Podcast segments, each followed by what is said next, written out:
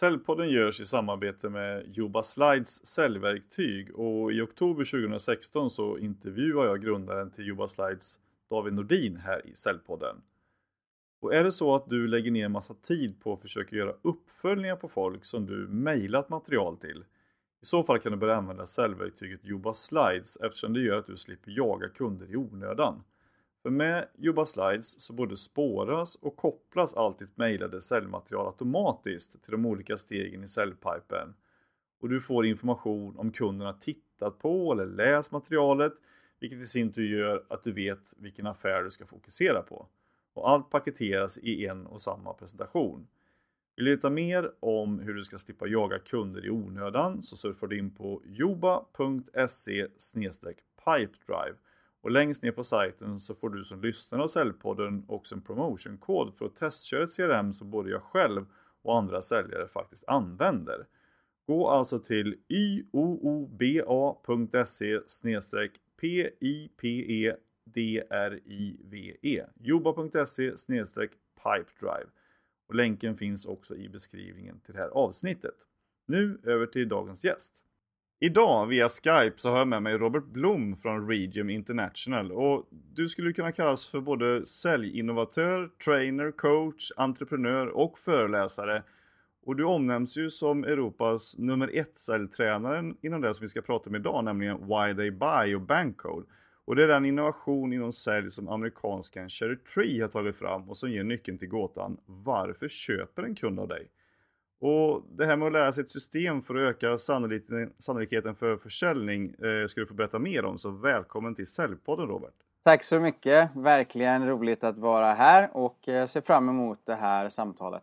Ja men det ska bli jättekul och, och det här har ju intresserat mig jättelänge och jag tänker så här, innan vi kommer in på det här systemet och, och vad det här är så kommer vi mot slutet att ge alla er lyssnare möjligheten att göra sin egen bankcode och möjligheten dessutom att vinna två och en halv timmes audio training från det här systemet. Men vi tar lite mer om det på, på slutet av det här programmet. Eh, men om vi börjar så här då. Du har ju varit med och startat ett gäng företag genom åren. Och när man tittar igenom ditt CV så har ju det handlat väldigt mycket om innovation och att utmana etablerade standard som man säger så. Men vad är bakgrunden till att du är den här innovativa tänkaren tror du? Ja, det, jag tror att det, det grundar sig i allra yttersta nyfikenhet och som, som på något sätt startade hela vägen från när jag var liten kille. Att eh, eh, tyckte om att se saker och ting från en annan vinkel och hade väldigt ofta lösningar till saker och ting på ett annorlunda sätt. Och det, hela min story kan man ju säga börjar någonstans med att jag som allra liten, liten kille sitter med morfar och eh, pusslar. Eh, och kanske redan som någonstans fyraåring lägger mitt första pussel på över tusen bitar. Och, och där min resa för och hjälpen eh, genom i det här fallet morfar som gav mig grunden till att här har du ytterkanterna på pusslet. Här har du symbolerna för hur de olika bitarna symboliserar och har former som gör att de passar ihop på diverse olika sätt. Så jag, jag tror att min story börjar med innovation, med morfar som en liten kille med säkert 10-15 timmar i veckan sitter och pusslar med honom och får lära mig vad är det som är ett system och hur fungerar ett system när det kommer samman? För pussel är ju egentligen ett system. Det har sina ytterkanter, det har sina variabler i de olika pusselbitarna som ser ut på olika sätt, vilket som, som kommer samman och bildar till slut en bild. Och, och det här är någonstans vad innovation är för mig. Det är att jag kan ofta se lösningar med de olika variablerna som hänger löst kanske för andra människor. Och där jag kan se hur de passar ihop och hur det då, min nyfikenhet på makroekonomiska delar, är och passar ihop in i trender och så vidare. Så där ligger grunden för var min innovationsförmåga kommer ifrån. Den är tränad. Jag brukar skämtsamt säga att jag är nog den mest otalangfulla personen som går ett par skor.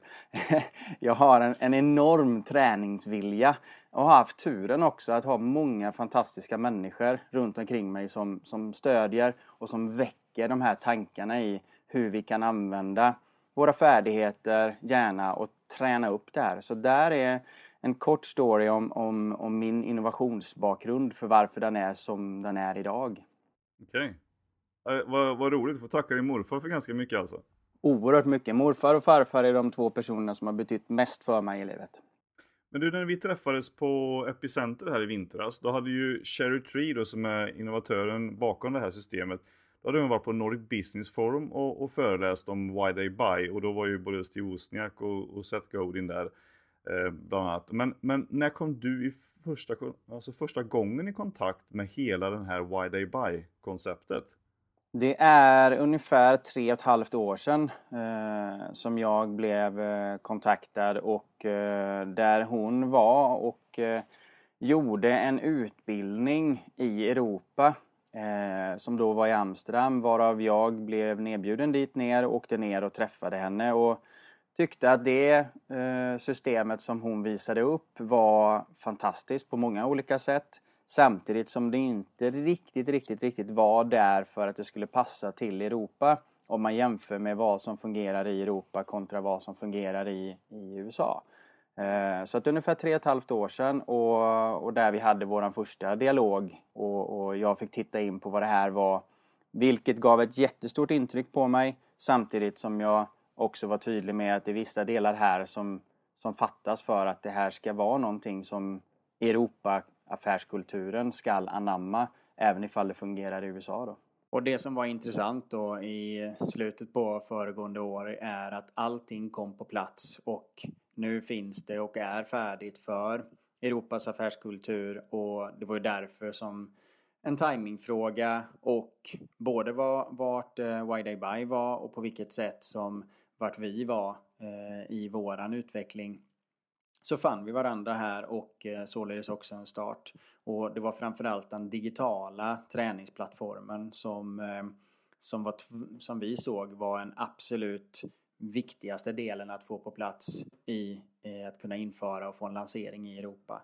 Som då fick en officiell start i samband med Nordic Business Forum. Så att eh, allting är på plats för Europa och eh, vi ser verkligen fram till att ha det här och starta i framförallt Norden med inriktning från Sverige då, där vi startar.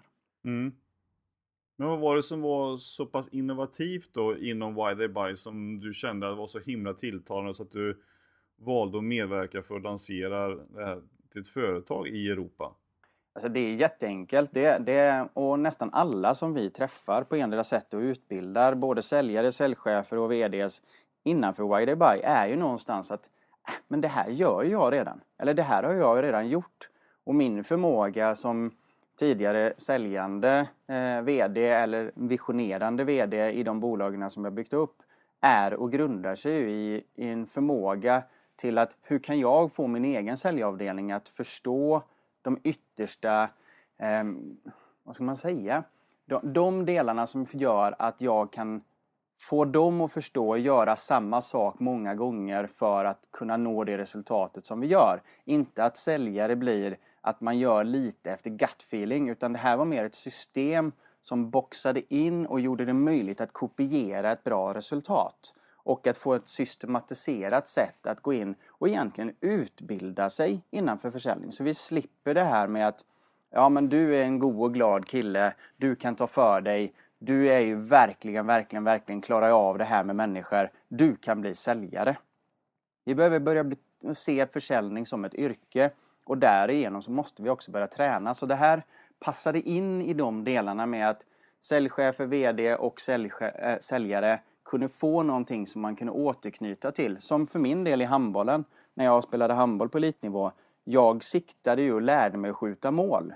Jag siktade ju inte för en gut feeling för ungefär så här blir det nog kanske mål.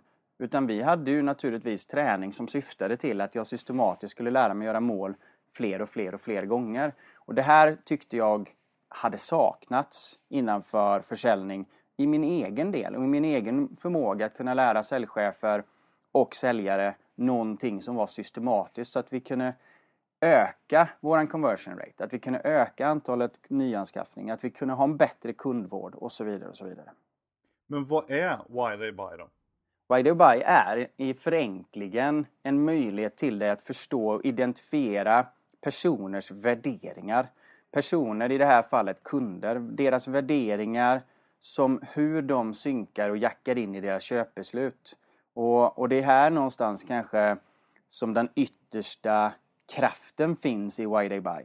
Det är att när jag lär mig att identifiera människors absolut yttersta värderingar så ligger de så nära i allting egentligen vi gör som människor, inklusive våra köpbeslut. Vilket gör att har jag sedan en förmåga att inte bara identifiera deras värderingar utan också att ha ett värderingsstyrt språk och kommunikation med kunden, ja då kommer det bli att det är fler kunder som vill göra affär med dig som säljare och det är fler kunder som också vill stanna med ditt företag med en sån säljare. Mm. Nej, vi, ska, vi ska komma in på liksom de olika delarna här alldeles strax. Men när jag, när jag för min egen del, när jag, när jag läste om det här och kom i kontakt med första gången, så, så kändes det som om jag hade liksom hittat svaret på något som jag hade själv då grubblat på i ganska många år. Eh, nämligen hur jag får fram, alltså hur jag på bästa sätt får fram eh, mitt budskap och hur jag når fram till min potentiella kund. Hur får jag han eller hon att lyssna, vara intresserad, eh, prata så att de förstår, eh, vara på samma nivå, ta beslut i rätt riktning utan att egentligen vara pushig i något stadie.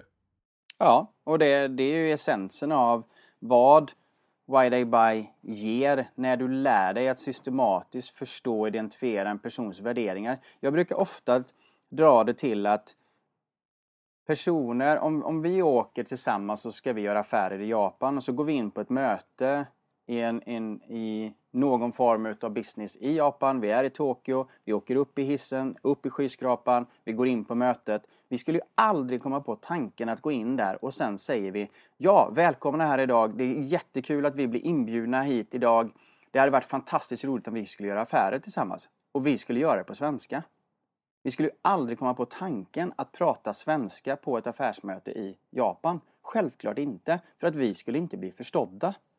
Men Nej. i och med att vi pratar samma lingvistiska språk, typ i det här fallet svenska, så tror vi att vi blir förstådda. Att vi inte är och får missuppfattningar. Men det visar ju alla, alla siffror som, som lite grann eh, bakgrund till det så, så kan man säga att lika mycket som jag blev intresserad av systemet kring Why They Buy så är jag också en väldigt eh, nörd när det kommer till statistik, när det kommer till siffror, när det kommer till vetenskap och så vidare. Och att, att hitta då att en hel bransch på endera sättet har någonstans mellan 5 och 12 procent conversion rate ifrån segmenterade leads ner till hur många kunder det blir på business to business sidan så mm. finns ju en förbättringspotential som är enorm och den där var ju intressant.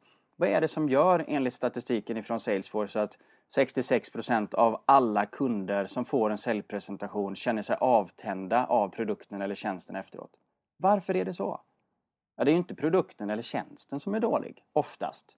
Utan det är ju våran, på något sätt, connection med, med säljaren som avgör min känsla för om det här är någonting som jag vill köpa. Väldigt, väldigt sällan är det att produkten och tjänsten är så bra så att jag skiter om säljaren är dålig. Utan säljaren har en större och större och större effekt i sammanhanget för om det är att det ska, ska bli någon form utav eh, sälj. Och tillbaka till, till den japanska skyskrapan. Vi skulle aldrig någonsin prata svenska när vi kommer in på det mötet. Men i när vi är i en situation när vi pratar svenska båda två, ja då vill vi på endera sättet tro att vi inte blir missuppfattade eller att vi inte missförstår. Och så skapar vi den här loopen där vi fortsätter på samma sätt som vi gjort förut. Så det här systematiserar att kunna skapa en connection, vidhålla en connection och med det få mer sälj och mer kunder som, som håller kvar vid produkten eller tjänsten till företaget som du företräder. Mm. Och du, när vi pratade tidigare här så beskrev du också till exempel om man skulle sitta på ett flyg och, och man ska se på en film på flyget och man får välja liksom vilket språk som man vill ha det här på. Exakt. Eh, då skulle man heller aldrig liksom välja japanska för då skulle man inte fatta filmen utan man väljer svenska eftersom då kan man liksom fatta och det, och det är ungefär så som man tänker att man hamnar på samma frekvens hela tiden när man pratar. Ja, och om, om jag kan ha en förmåga som VD eller säljchef till att tillsammans med säljteamet nå en, en samlad förmåga hos, hos teamet att kunna anpassa sig till kunden och för kundens värderingar genom att identifiera ett antal olika eh, delar och att sen kunna vidhålla den kommunikationen på det sättet så är det klart att det har en påverkan. Eh, jag menar det här har vi egentligen gjort som vi satt runt, runt lä lägerelden för många, många, många tusen år sedan. Det här är egentligen ingen skillnad. Vi är inte så sofistikerade som vi ibland kanske vill tro utan det är väldigt basala delar som gör om vi vill göra en affär med en person eller inte. Mm. Men om du skulle ta, igenom, eh, ta oss igenom då vad de här olika delarna innehåller i Why They Buy. Så vad, vart börjar det och vart slutar det? Först och främst så börjar det ju med att det är ett, ett system, någonting som du kan göra om och om och om igen och du på det sättet också kan förfina. För att du blir bättre hela tiden i samband med att, att du tränar. Och då är det att kategoriseringen av det som är innanför YDBY är fyra stycken stereotyper. Och man kan säga det att de är alla stereotyper utifrån sina värderingar. Och här är viktigt, jätteviktigt, att göra och se skillnaden från vad många andra av de här programmen som har blivit väldigt populära sista tiden när det kommer till färger, när det kommer till andra delar är och oftast pratar hur människor är. Allting som Why They Buy bygger på är hur människor gör och värderingarna i anslutning till varför vi gör. Det är alltså inte hur människor är i sitt beteende utan det är hur människor gör. För det är någonstans det som vi, vi har märkt ger den absoluta effekten i sammanhanget. Och då, då finns det stereotyper för att göra det enkelt för personen att, att förstå. Och då är det fyra stycken olika stereotyper varav en är väldigt actionorienterad, en är blueprint-orienterad, en är knowledge-orienterad och en är nurturing-orienterad. Mm. Och de här fyra är ju och har underliggande värderingar innanför varje kategori som gör att jag till slut då kan komma fram till någonting som heter en bank code som är då sekvensen av värderingar som mitt prospect, min kund, väljer att ta ett beslut. Det är någonting som de håller som absolut högst i sina värderingar och det är någonting som är oviktigt i sammanhanget, alltså där de, de värderingarna inte betyder så mycket för dem. Och det här skapar en sekvens av värderingar. Så att det inte är att en människa är grön eller en människa är gul eller någonting av det här som har blivit väldigt populärt de sista halvåret, året. Utan det här handlar om en sekvens av värderingar som vi lär oss identifiera. Sen kommunicerar vi enligt de, eh, de värderingarna. Ja, för du var inne på att det blir det är väldigt poppis med den här eh, omgiven av idioter och, och sådana saker så blir det väldigt populärvetenskapligt just om, om de här personfärgerna. Om, om hur folk är. Om jag är en röd person så är jag på ett visst sätt och en gul på ett visst sätt och sådär. Men, men de här att man de här olika typerna, att man gör på olika sätt. Vad får det för, vad får det för konsekvens för mig som säljare? Alltså det får ju en, en mängd olika konsekvenser. För det första så kan du lära dig att identifiera vad din kund gör genom att träna. Vi, vi, eh, hela vårt upplägg är uppbyggt i föreläsningar, one-to-one peak performing training och att vi, allting som vi gör finns på en digital plattform där man kan repetera allting i sin träning. Och det här är ju grunden för, för att lära sig någonting för en säljare. Det vill säga, om jag kan träna någonting i sin systematiska form och att de här värderingarna är återkommande. Jag kan lära mig hur att kunna dra ledtrådar ifrån en sån enkelhet som en LinkedIn-profil.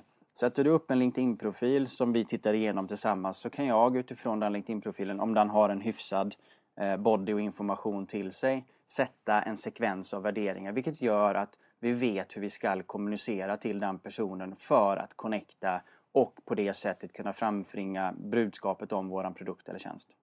Om jag skulle ha då BANK som kod här, då skulle det vara Blueprint först, Actions and Nurturing tredje och Knowledge som sista. Ja.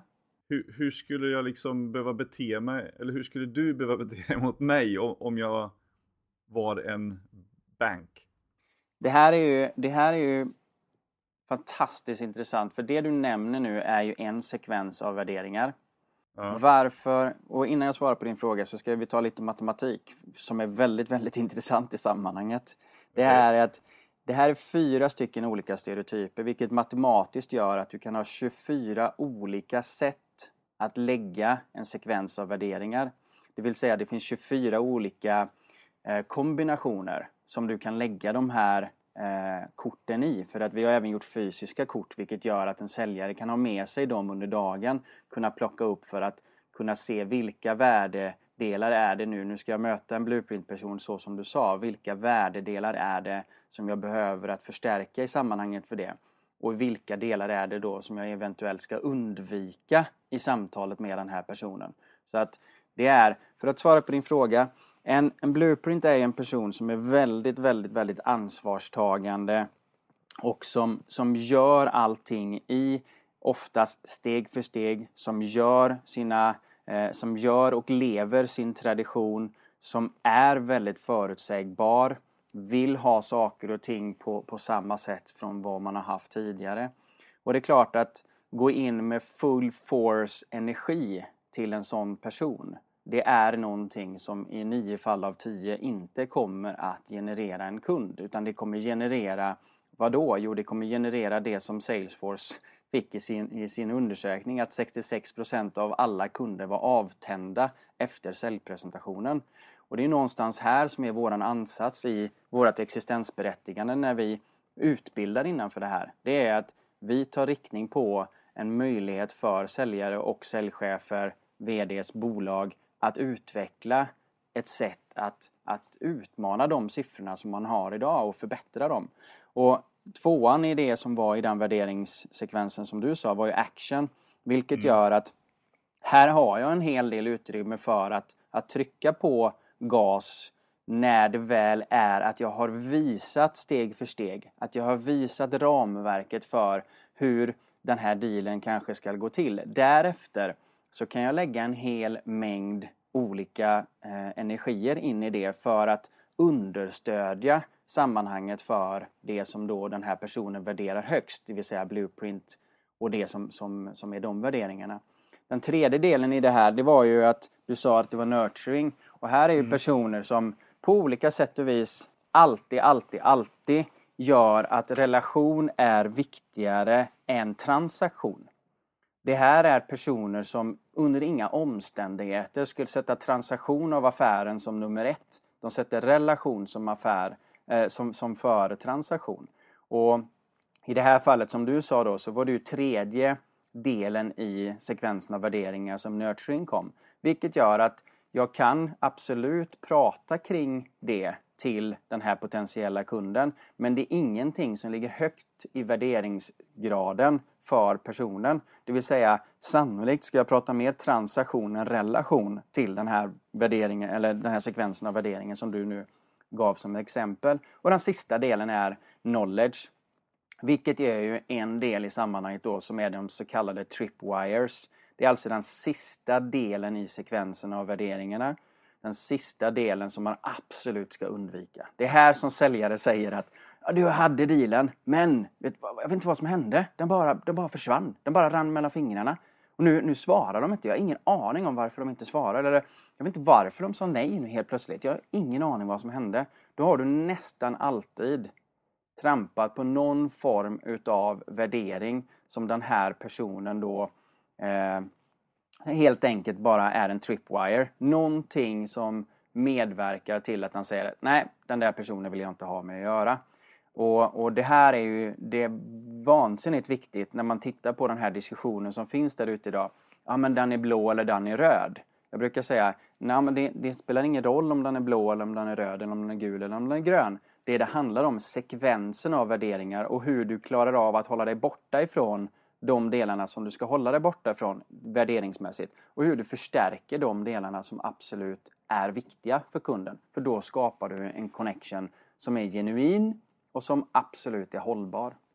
Om man lyssnar på det så tänker man så här, ja men hur ska jag överhuvudtaget kunna veta vem den jag ska prata med, vilken typ av kod som den personen har? Två, två delar. Eh, det är ju det här som, som är hela systemet med Why They Buy. Eh, mm. Att det är och finns en möjlighet att träna. Eh, vi har några få öppna seminarier och event per år så som vi, vi, vi kommer ha under 2018. Men majoriteten av personerna som är nyfikna på det här är ju och anförskaffar sig kunskapen genom att antingen ha en one-to-one -one, Eh, training med någon av våra eh, konsulter alternativt i sammanhanget att man ger sig in och man, man kanske köper den digitala plattformen och tränar, tränar, tränar disciplinerat på egen hand. Eh, så är ju det här någonting som du kan tillförskaffa dig på, på det sättet. Och när du väl börjar träna ja då kommer du kunna sätta den här sekvensen av värderingar och du gör den i, i ordningen alltid på samma sätt. Du tar alltid vilka triggers är det som den här personen har, min potentiella kund. Vilka triggers, vad är det den värderar högst? Det är den första delen i sekvensen av värderingarna som du sätter. Den andra delen i sekvensen av värderingar som du sätter, det är de som är tripwires. Det är alltså de värderingarna som personen värderar minst. Minst. Mm. Det är nummer två. Och nummer tre är dialekten, det vill säga det som är näst mest de värderingarna som personen är och kommer att ha med i sitt köpbeslut. Så när de tittar på om de vill göra affär med dig eller inte så är det deras triggers och deras dialekt som kommer att avgöra i värderingsformen om de vill göra affär med dig eller inte. Och din förmåga att hålla dig borta ifrån det som för dem är tripwires. Så den ordningen är det. Du sätter triggers först, tripwires sen, dialekten eh, som nummer tre och sen så den fjärde delen blir således den plats nummer tre då i sekvensen av värderingarna bland de här fyra. Och det här är ett systematiskt sätt så att det är 24 olika kombinationer och därför blir en del stressade i början. Och herregud, hur ska jag kunna göra det här? Jag kan ju aldrig veta vilken som är vilken. Men i själva verket så landar det in i att det finns en systematiskt sätt att ta reda på det. Du lär dig massa olika ledtrådar som du letar efter, både det du ser och det du inte ser. Och det är och över tid blir väldigt enkelt att sätta koden för varje individ som du passar. Och då kan du anpassa ditt språk till det när du har tränat. Och vad är det som händer då? Jo, då får du en connection Både det som du skapar i, i läget för att du möter en ny person och för att vidhålla connection med en person, läs kund, i förlängningen för att mota konkurrensen över tid. För har en kund till dig en connection med dig så kommer inte konkurrenter ha speciellt enkelt att komma in. För att de vill inte göra affär med någon annan, de vill göra affär med dig. Mm. Men vad är det man letar efter då för att få reda på de här sakerna som du nämnde? Det är massa, massa, massa eh, små saker som när i träningen när du letar efter enkla delar i, i, i utseendet, hur de har valt att kanske klä sig, hur de har valt att föra sig, vad de använder för språk. Eh, du kan se hur de kommunicerar i sina eh, sociala medier, vilket direkt kommer att eh, visa vilken sorts värderingar är det som de tar som är med i sina köpbeslut. För det är ju det som är det spännande i det här. Alla de här ledtrådarna som både är fysiska, som är i sammanhanget då virtuella med tanke på att du kan gå in på sociala medier, som är att när du träffar dem så kommer du märka om de är energiska, om de är tillbakadragna, på vilket sätt de är det och så vidare. Och så vidare. Och det här skapar då möjligheten för dig att systematiskt veta hur du ska kommunicera. Inte att identifiera och säga att det är en gul, utan identifiera helheten för att hur ska jag nu kommunicera med den här personen? Och det är ju det här som är själva träningen. Jag brukar skämtsamt säga att, att lära dig why they buy. Jag hade en utbildning igår. Så var det en av dem som, eh, som, som satt i publiken och som frågade Men, men, men alltså vad, vad är den här egentligen för, för en träning? Vad är det jag gör? Och då beskrev jag det som att lära dig ett nytt språk. Först lär du dig glosor. Sen lär du dig att sätta de glosorna i, i en paritet för att ta in det med tillsammans med grammatik. Och i nästa läge när du har glosor och grammatik så kommer du lära dig att prata språket. Precis på samma sätt är det här. Du identifierar värderingar utifrån ledtrådar som du både ser och sånt som du inte ser, för det är ju lika mycket ledtrådar. Och i nästa läge så kan du sätta in det i ett sammanhang för en sekvens av värderingar, läs grammatik. Och i nästa läge så kan du börja kommunicera vilket skapar en connection. Så det, det är väldigt, väldigt, väldigt, väldigt enkelt när du väl har lärt dig det. Och det som är häftigt med ett språk, det är ju att när du väl har lärt dig tyska och du pratar tyska flytande och så är du borta från tyska i fem år så tar det kanske inte mer än ett par dagar så kommer du att prata mer eller mindre flytande igen. Mm. Vilket är häftigt i det som vi lär, i det som vi lär ut till säljare. För det här är en livslång investering som du gör som kommer ha en, en, en påverkande effekt i din försäljningsförmåga så länge som du är säljare. Jag vet inte om du känner för att berätta det här eh, exemplet som du har haft eh, som inte egentligen rör försäljning utan som rör din egen familj. Om hur, eh, hur det kan påverka möjligheten att förstå en persons värdering i sin egen familj och vad det kan göra för, för resten av livet så att säga. Ja, det är ju, det är ju egentligen kanske den största anledningen till att jag åkte ifrån Amsterdam för tre och ett halvt år sedan med någon form av aha-upplevelse i sammanhanget. För jag ska lite bakgrund till det då. När vi pratar om sälj så pratar vi egentligen om kommunikation. Våran förmåga att kommunicera innanför situationstecken rätt till rätt person. Det är det mm. som kommer skapa en connection.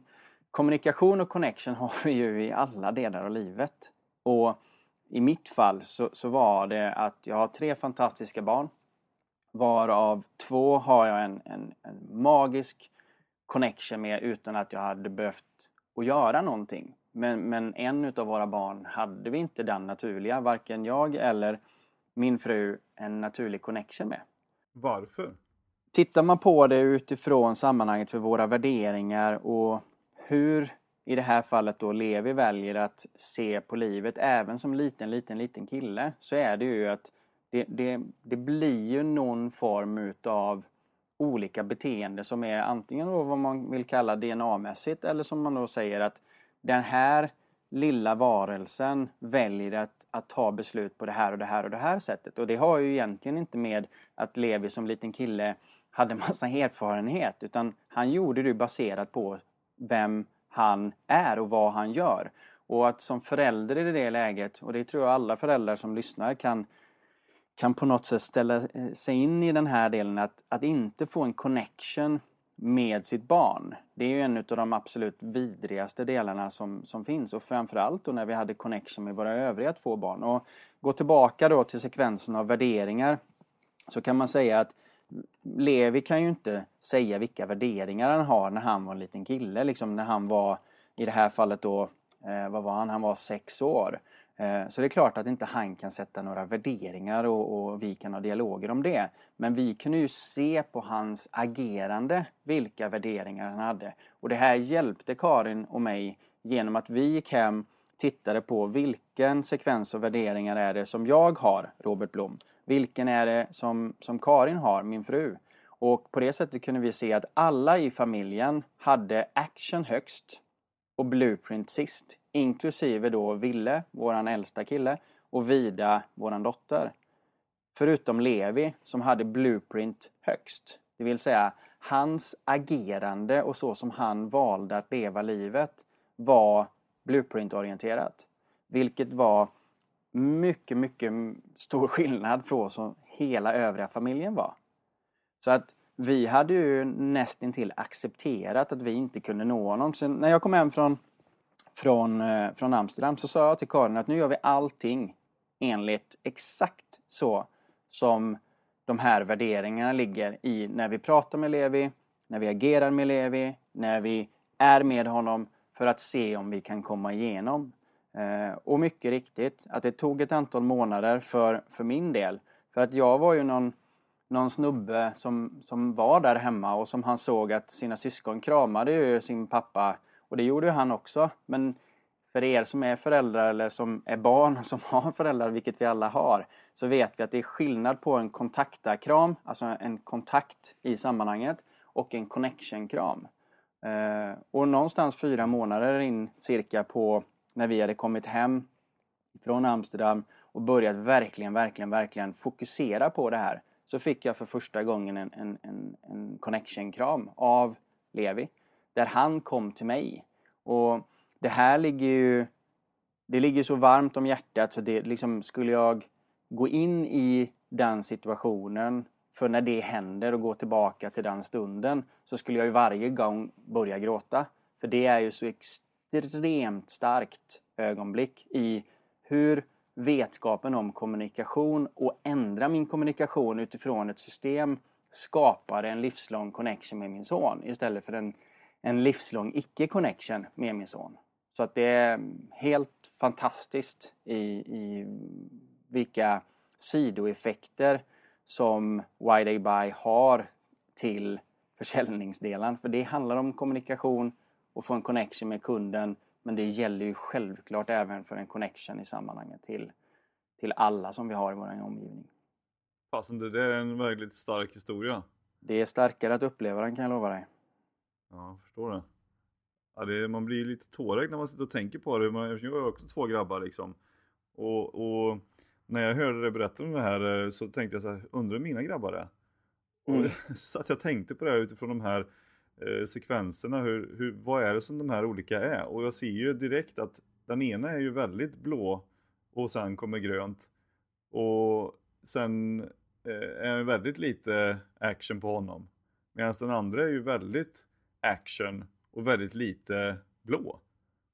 Och jag försökte förklara det här för min fru då att, i och med att vi, hon tyckte att ja, det är bättre du pratar med honom, du når till honom mycket bättre än vad jag gör. Hmm. Men var, varför är det så? Eh, kan det inte vara för att du pratar med honom på det här sättet när han säger någonting och jag gör på det här sättet när han säger samma sak? Jag bara, ja, ja men jag får prova, hur ska jag säga då? Och så gav jag lite exempel på hur, eh, hur jag skulle sagt om han hade sagt samma sak till mig och så provade hon det liksom. Och, och det gick ju mycket, mycket bättre givetvis och det blir ju, blir ju enklare diskussion och kommunikation hemma. Och samma sak var det med hennes nya chef. att hon märkte att hon gillade inte henne riktigt. För att eh, min fru hon är mycket mer åt det, åt det blåa hållet liksom. Och då sa jag, men då får du prata på ett rött sätt med henne. Ja, hur menar du? Ja, men då är det liksom, hon vill ha action, hon vill ha snabba puckar, alla ska veta vad de ska göra och fort ska det gå. Och då får du säga det till henne att, ja men, när jag, för det är ju såna här kvalitetsgrejer som de håller på med så det är väldigt mycket blått. man säga. väldigt mycket process eh, i de här. Och säkerställa att allting funkar och sådär. Men då får hon ju säga att jag har koll på läget, det här kommer att ta ungefär så här lång tid och det här kommer fixa sig. Jag tar ansvar för alltihopa. Så kör på det bara. Och hon bara, ja men jättebra, det, då, då, då litar vi på att det funkar liksom. Och helt plötsligt så svängde hennes, eh, hon kände ju själv efter mötet att, att hon var ju mycket mer, hon gillar ju henne mycket mer efter att hon hade pratat med det sättet på, med henne än vad hon gjorde första gången hon träffades. Exakt, och det här, det här grundar sig ju då på att det är vad, vad vi gör. Igen då att många utav personlighetsprofiltester etc. handlar ju om oss själva. Det är, vi får ju rapporter om oss själva, vi får rapporter om hur vi själva är i ett team. Vad vi har fokuserat på här fullt ut, det är att Why They Buy handlar om varför kunden köper och vilka underliggande värderingar är det som, som, som, som är och ligger till grund för det köpbeslutet. Och det är exakt samma sak i ett samarbete så som mellan din fru och hennes chef. Att någonstans här så säljer vi ju på arbetet varenda dag. Vad då? Jo, vi säljer idéer, vi säljer vår egen förmåga till att kunna göra någonting för att vi ska få en större frihet. Vi säljer, vi säljer och påverkar i allting vi gör mer eller mindre. varje. Vi säljer ju när vi ska ta upp våra barn på morgonen. Jag har en tonåring hemma. Jag behöver ju sälja varje morgon för att han ska gå upp ur sängen. och, och det här är ju liksom, eh, ytterst handlar det om kommunikation och, och därför då att kunna kategorisera det i blueprint, action, knowledge, nurturing plocka ner det till värderingar, systematisera det här, gör att vi får en enkelhet i att träna våran förmåga till att connecta. Och i connection så händer vad jag upplever som kanske många gånger det som man eftersträvar i livet fullt ut. Det blir ett högre välmående. Jag får mer än vad jag vill ha också, men inte på bekostnad av någon annan. För att vi har ju en connection så vi hittar ju fram till en lösning ofta som är bra för båda för att min förmåga finns att kommunicera på det sättet som gör att det blir bra för båda. Mm. Precis som din chef gjorde, eller som din fru gjorde med din chef. Mm. Men om man tänker sig att man nu är då säljare, hur ska man då arbeta med det här systemet på bästa sätt för att nå framgång i sin försäljning? Träning, träning, träning. Proaktivt, proaktivt, proaktivt. Och i lite mer detalj då? Säljare har jag märkt är, vi, vi, vi är ofta att vi, framförallt säljare som har varit duktiga under ett längre tag, så, så brukar jag Eh, of, tyvärr är det som så att säljare är inte ett yrke historiskt sett i, i, kanske i världen, men framförallt inte i Nordeuropa, som har haft speciellt högt, hög rang. Men, mm. men testa att ta ett företag och plocka bort alla säljare. Vad mm. händer då?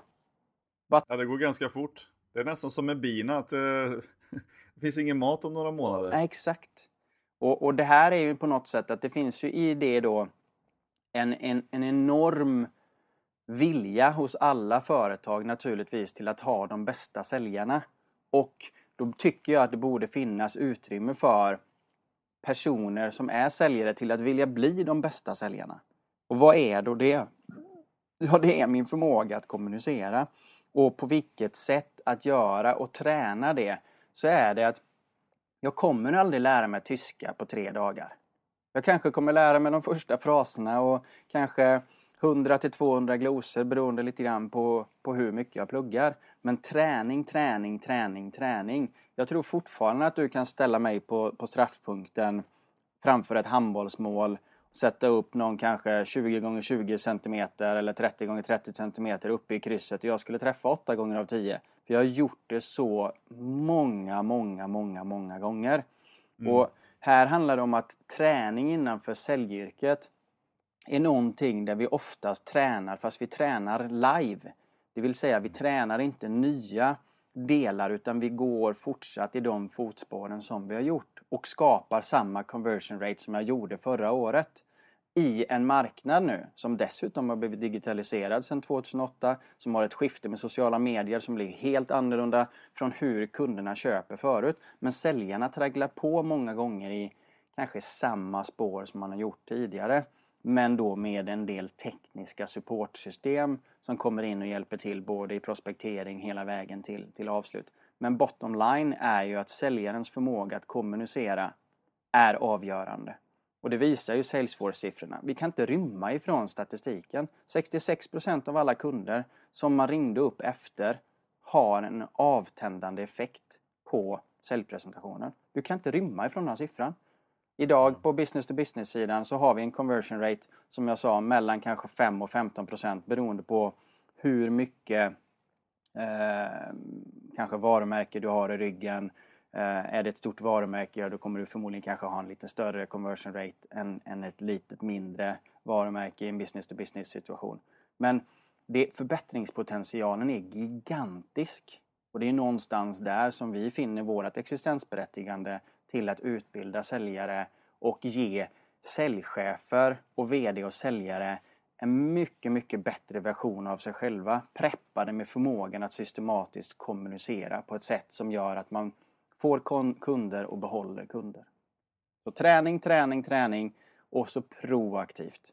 Gör inte det här Skämtsamt brukar jag, hade en annan metafor för några veckor sedan där jag sa Vilka är det som som tränar och tränar och tränar och tränar och spelar ganska lite match i en fotbollsmetafor? Jo, det är ju naturligtvis de som spelar i Allsvenskan eller som kanske spelar hela vägen upp på Champions League-nivå. De tränar massor och de spelar ganska lite match. Vilka är det som spelar nästan bara match och aldrig tränar? Jo, det är Korpen. Så hur ser din säljsituation ut? Hur ser din säljträning ut? Är det så att du bara spelar match och aldrig tränar? Eller är det att du faktiskt tränar och spelar match? Det vill säga, är du Champions League eller är du en korpenspelare? Lite hårdrat och kanske inte en metafor som alla kommer att tycka att det är fantastiskt. Men träning är grunden för prestation. Och proaktivt är att göra en strategisk plan för hur kan jag tillgodoskaffa mig bästa möjligheter inför att jag då ringer en kund, möter en kund och så vidare. Så proaktivt, ta reda på sekvensen av värderingar innan jag möter kunden. Gud vilka långa svar jag har hela tiden. Ja men det är intressant. Det är bra metaforer på något sätt ändå för det är väldigt talande bild för hur, hur, hur sälj liksom är. Hur man resonerar ja. om sälj. Och det, vi hade ett, en, en samtal på, eh, på morgonen här med en annan kompis som, eh, som jobbar med försäljning också, säljsystem. Och han blir väldigt förvånad över när han är ute och gör kundbesök hur lite intresse det finns för vad säljarna faktiskt gör på dagarna. Det är väldigt många som inte liksom mäter någonting eller har ingen förbättringsunderlag, man bara låter dem köra. Ja. Jag tänker att det kanske inte är liksom signifikativt för hela världen, men, men det är lite som, som, som när Zlatan började i Manchester United. Och då liksom, har du inte spelar på ett tag, hur ska du, hur ska du komma i form? Men jag, jag kommer inte i form, jag är i form. Jag fortsätter att vara i form hela tiden.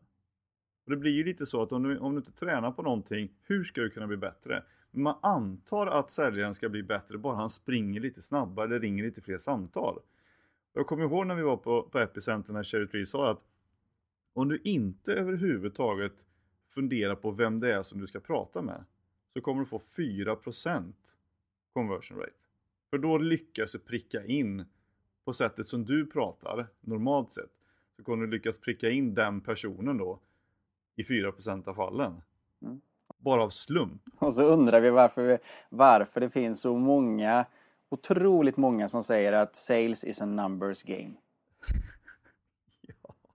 Och jag tänker, ju mer man tänker på det här, att, att om det vore så att man faktiskt lärde sig att bli den bättre versionen av sig själv som säljare och de som är lite då halvbra säljare, vad det beror på. Beror det på att jag inte vet vem det är jag ska prata med, jag vet inte vad den eller hon, han eller hon tänker eller har för värderingar. Så att det enklaste sättet för mig som säljare borde vara att lära sig hur andra människor är och hur de gör för att sen kunna anpassa min kommunikation till dem för att nå fram. Och därmed öka sina resultat. Jag, jag går tillbaka till språkmetaforen i Japan. Om du tänker att du har 24 stycken olika kunder som, betal, som, som, som pratar 24 olika språk. Skulle inte du vilja veta innan du går på det mötet vilket språk är det som de pratar? Och skulle du ens komma på tanken om du nu pratade rumänska och gå in på ett möte i Tyskland och prata tyska? Nej. Alltså, du, du, du skulle alltid anpassa så nära som möjligt och pratar vi olika språk då försöker vi hitta minsta möjliga gemensamma nämnare. Vilket i det fallet då oftast kanske i vår del av världen är engelska. Mm. För att öka kommunikationsmöjligheterna, förståelse och så vidare. Men vi Mm. glömmer mm. kanske det mest basala i varje del. Och det här är ganska häftigt när man tittar på för de säljarna som har internationella kunder. För där pratar vi ofta om affärskultur. Vi pratar ju om, om affärskultur till att vi ska anpassa oss till affärskultur för annars så kommer vi inte få kunden och så vidare och så vidare. Men att anpassa oss till värdering utifrån vad den människan värderar och vilka värderingar som ligger till grund för dess köpbeslut. Det är ju det som är spännande och det är ju det som vi tillför i en träningsform som människor både kan sitta på tunnelbanan och förkovra sig med, sitta i bilen när man är resande säljare, förkovra sig med, åka på öppna seminar, bli one-to-one coachad digitalt, jätteeffektivt sätt att göra det istället för att träffa person rent fysiskt. Så kör man en, ett, eh, en videotraining där vi ser varandra, man lägger upp det på det specifika sättet som vi har gjort, vilket gör det extremt effektivt. Kostnadseffektivt, men framförallt ökat resultat. Och allt det här tjänst, de här tjänsterna, de tillhandahåller ni på Region då? Där? Stämmer. Mm. Men vilken typ av bolag eller vilken sorts säljare är det som, du, som ni är ute och håller mest utbildningar för? Då? Vi har två stycken delar, alltså grupperingar i, i våra tjänsteutbud. Och det är en del som heter Enterprise. Och det är alltså till företag som har fem säljare och uppåt. Och för riktigt, riktigt stora företag så brukar vi ändå krympa ner det till att det blir grupper om någonstans mellan 12 och 15 säljare som vi vill börja med för att få en best practice eh, istället för att börja med hundratals säljare och liksom försöka ta ett skop som är jättegigantiskt så går vi in med en mindre grupp som bolaget väljer ut, gör en best practice på dem och på det sättet kan då växa in i sammanhanget. Och sen så får man komma ihåg att Eh, Eh, det som vi gör här nu, det är väldigt, väldigt nytt. Alltså, du refererade till eh, Epicenter och Nordic Business Forum där det var Steve Wozniak och, och Seth Godin. Det här är ju någonting som vi precis har etablerat och vi märker ju redan nu att konkurrensfördelarna för de bolagen som är first movers, som är och tar plats i det här. För att det finns ju ingen säljare som vi träffar eller som får det här förklarat för sig som säger äh, det här funkar inte. Äh, det här, ger, det här hjälper inte. Äh, det här kommer inte ge mig bättre resultat. För alla förstår att det kommer ge bättre resultat. Och då blir det frågan om hur kan jag tillgodose mig den träningen som gör att jag kan bli en bättre säljare, en bättre version av mig själv i mitt sammanhang av mitt arbete. Hur kan jag som företag köpa in det här till mina säljare för att få ett bättre resultat i sammanhanget? Så på Enterprise-sidan så är det föreläsningar, det är one-to-one peak performing training som det heter. Och där vi då digitalt eller fysiskt on-site i vissa fall är på plats och coachar. Och den sista delen är den digitala plattformen där du 24-7 365 har tillgång till allt träningsmaterial, allting som vi tränar tillsammans med one-to-one eller på föreläsningar kan du gå in och repetera, repetera, repetera, repetera för att precis så som att du ska lära dig ett nytt språk med glosor. Du måste repetera glosorna. Du måste sen sätta in dem i ett sammanhang för, för en grammatik för det är då du kan börja prata flytande. Det är exakt samma sak här fast då i sammanhanget av att lära dig kundens värderingar och på vilket sätt som det här är och kan användas i din vardag. Då. Och sen så har vi den gruppen som då är säljare och egenföretagare. Där vi har ett, eh, ett erbjudande som kommer att starta nu den 3 maj och där vi bara plockar in 20 stycken personer. Och där blir det one-to-one -one, training varannan vecka i ett halvår och sen så blir det webbinar en gång i månaden där den här gruppen samlas i en digital eh, miljö, ett program som heter Zoom och där vi går igenom grejerna och där vi mer eller mindre ser till att liksom ha en, ett startskott på första webbinariet, andra webbinariet, ja, då går vi mer igenom och identifiera kundens värderingar, hur gör vi det? Och parallellt med det så har egenföretagaren eller säljaren tillgång till den digitala plattformen så att de kan repetera och träna. Så två stycken olika erbjudanden. En del som ligger på Enterprise-sidan, så som jag sa, och en del som ligger för företagare och säljare som då är mer anpassat för den delen. Mm. Det som är fiffigt med det här är ju också att när man väl lär sig att förstå andra människor så förstår man andra människor. Ja, och det är... Jag vet inte, eh, det, det går liksom inte riktigt att sätta ord på det. Och det är klart att alla föräldrar kan förstå vad jag menade med... Jag brukar säga alla har en Levi. Levi är ju våran son då som, som vi inte hade en connection med men som vi, vi lärde oss hur vi skulle göra för att få en connection med. Och alla har en Levi. En Levi kan vara din chef. Levi kan vara din dotter. Levi kan vara din mamma, din syrra.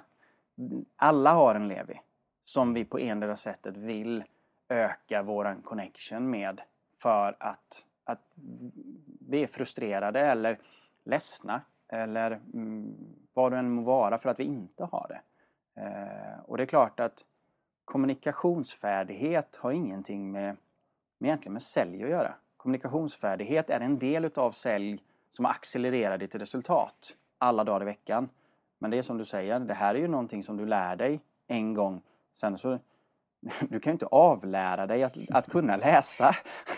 Har du lärt dig läsa så, så, så, så, så kommer så du, ja, så kan du det. Och det är samma sak här. Och det är, det är så häftigt att kunna visa den respekten till alla människor i din omgivning.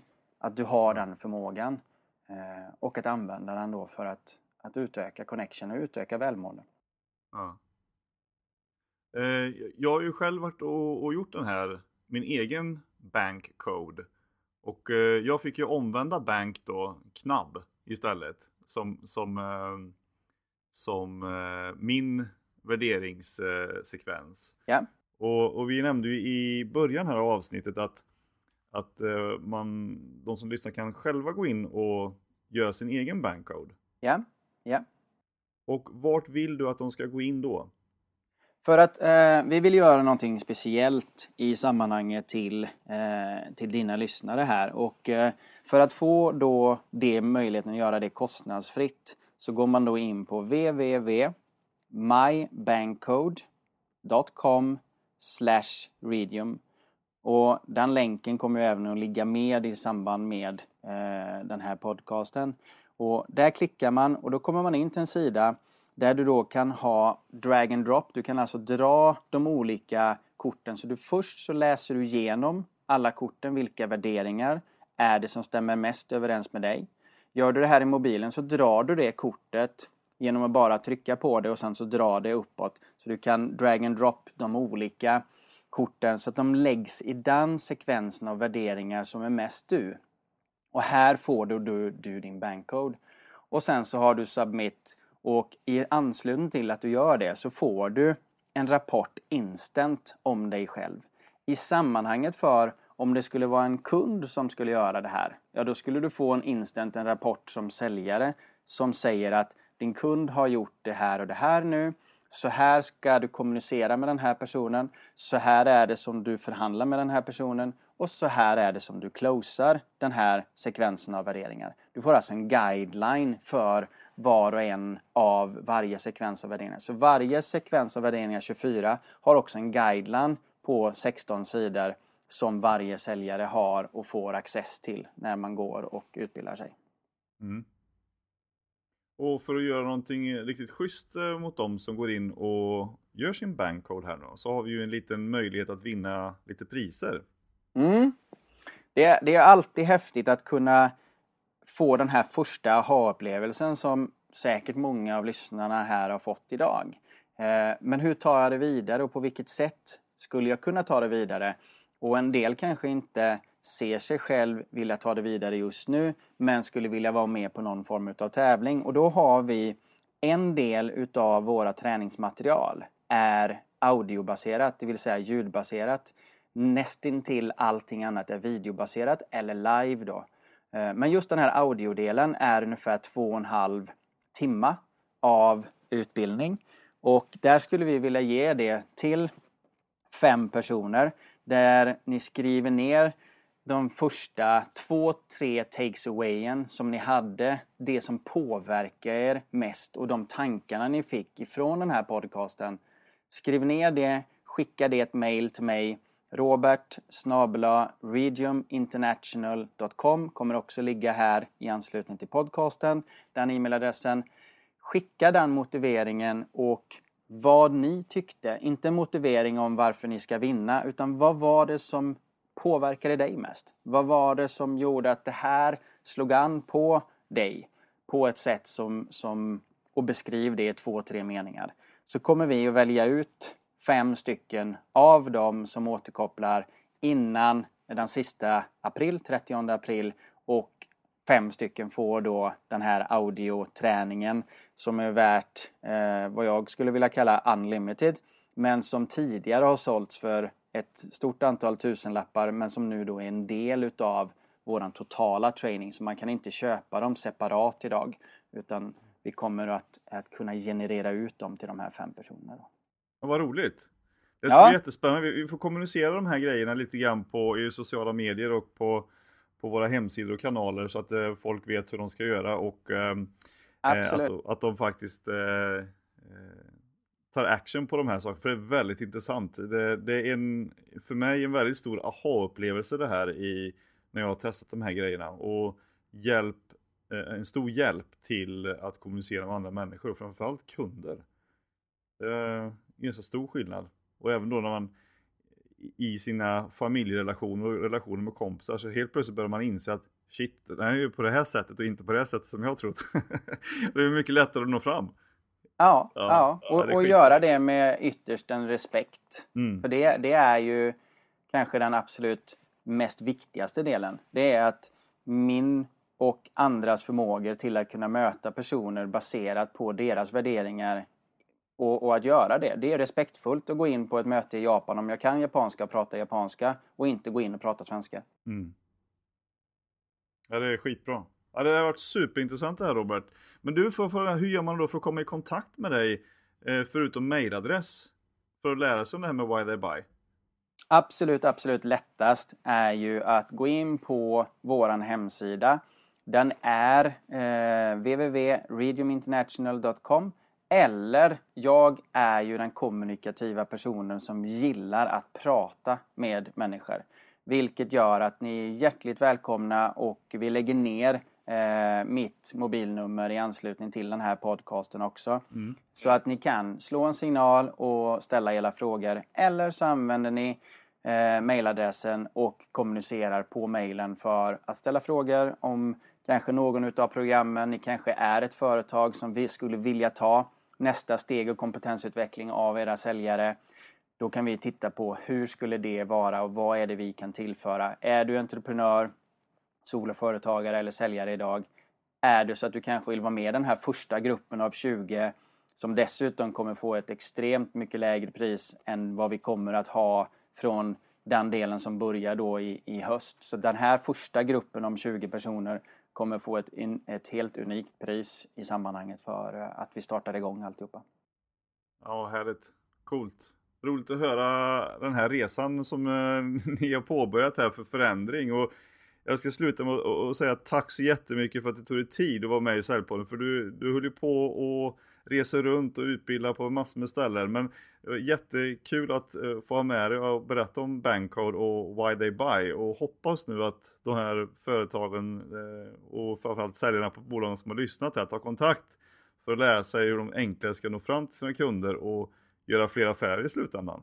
Absolut och uh, oerhört tacksam för att, att fick förfrågan att, att vara med och att kunna generera det här värdet ut ifrån våran, vårat samtal här ut till tusentals personer.